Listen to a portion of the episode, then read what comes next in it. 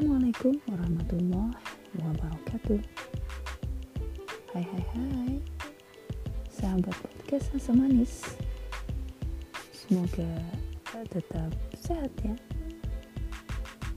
Doa saya semoga Allah selalu menimpakan keberkahan dan kebaikan kepada teman-teman semua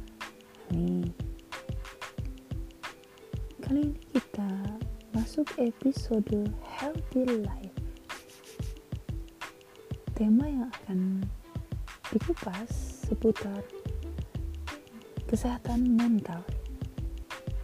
Yuk, disimak.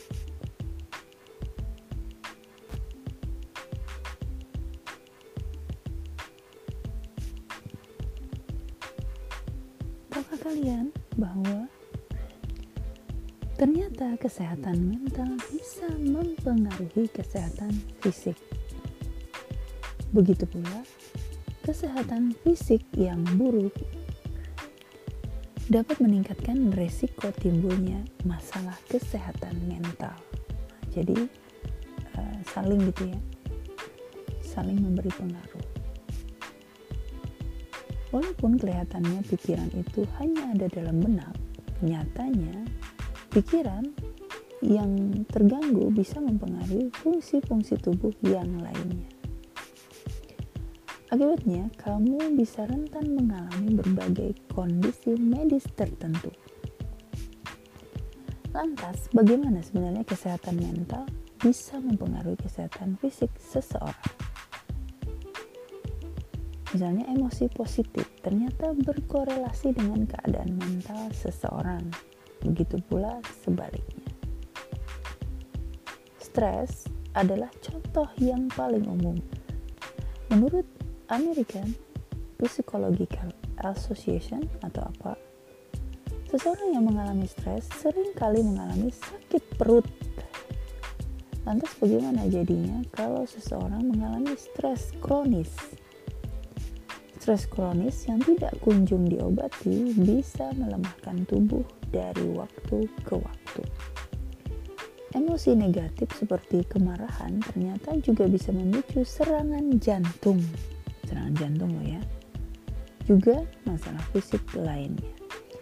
Melansir dari Mental Health Foundation, orang dengan tingkat kesusahan tertinggi punya peluang 32% meninggal karena kanker. Ini penelitian ya. Sedangkan seseorang yang mengalami depresi diketahui mengalami peningkatan risiko penyakit jantung koroner. Sedangkan seseorang yang mengidap skizofrenia sering dikaitkan dengan risiko kematian akibat penyakit jantung dan risiko kematian karena penyakit pernapasan sebanyak tiga kali lipat. Nah, mengapa ini bisa terjadi? Ternyata orang dengan kondisi kesehatan mental cenderung tidak mau menerima perawatan kesehatan fisiknya. Padahal itu harus dia terima. Gitu. Mereka juga cenderung tidak ditawari bantuan untuk berhenti merokok, untuk tidak mengkonsumsi alkohol, bahkan pola makannya menjadi tidak sehat.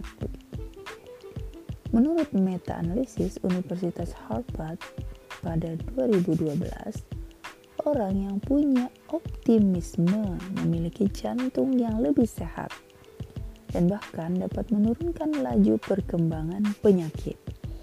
Faktor-faktor lain seperti kepuasan hidup, kebahagiaan dikaitkan dengan penurunan risiko penyakit kardiovaskular, terlepas dari faktor-faktor seperti usianya, status sosial ekonomi, kebiasaan merokok, dan berat badan. Pun, seorang peneliti di Harvard School of Public Health Department of Society menyatakan bahwa individu yang paling optimis memiliki resiko sekitar 50%, 50% lebih rendah untuk mengidap penyakit kardiovaskular jika dibanding rekan-rekan mereka yang kurang optimis. Oke. Ini sedikit gambaran tentang uh, pengaruh kesehatan mental ya terhadap fisik seseorang. Kemudian bagaimana uh, gaya hidup sehat tersebut?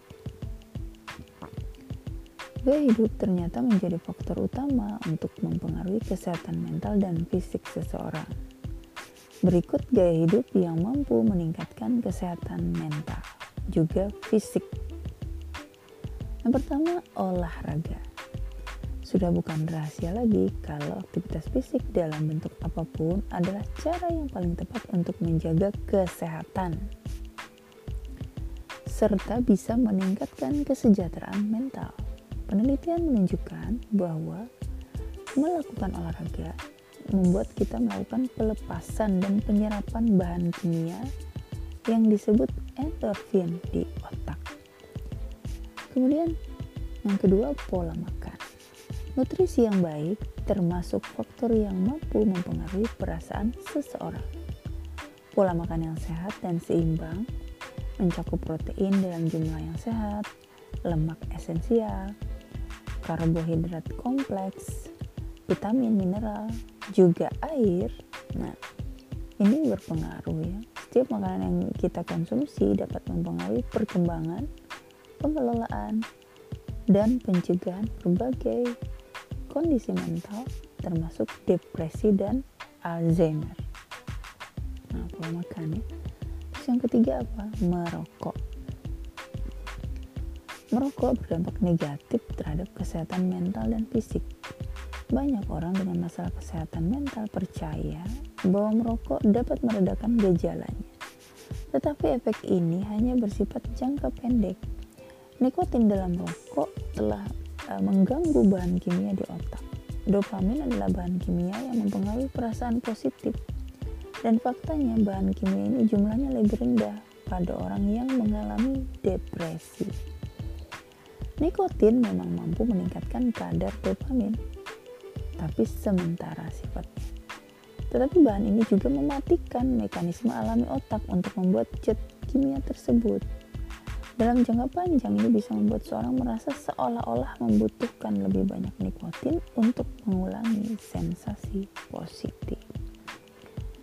Nah, informasi ini semoga bisa bermanfaat ya. Nanti kita lanjut lagi pembahasan kesehatan mental ini. Wassalam.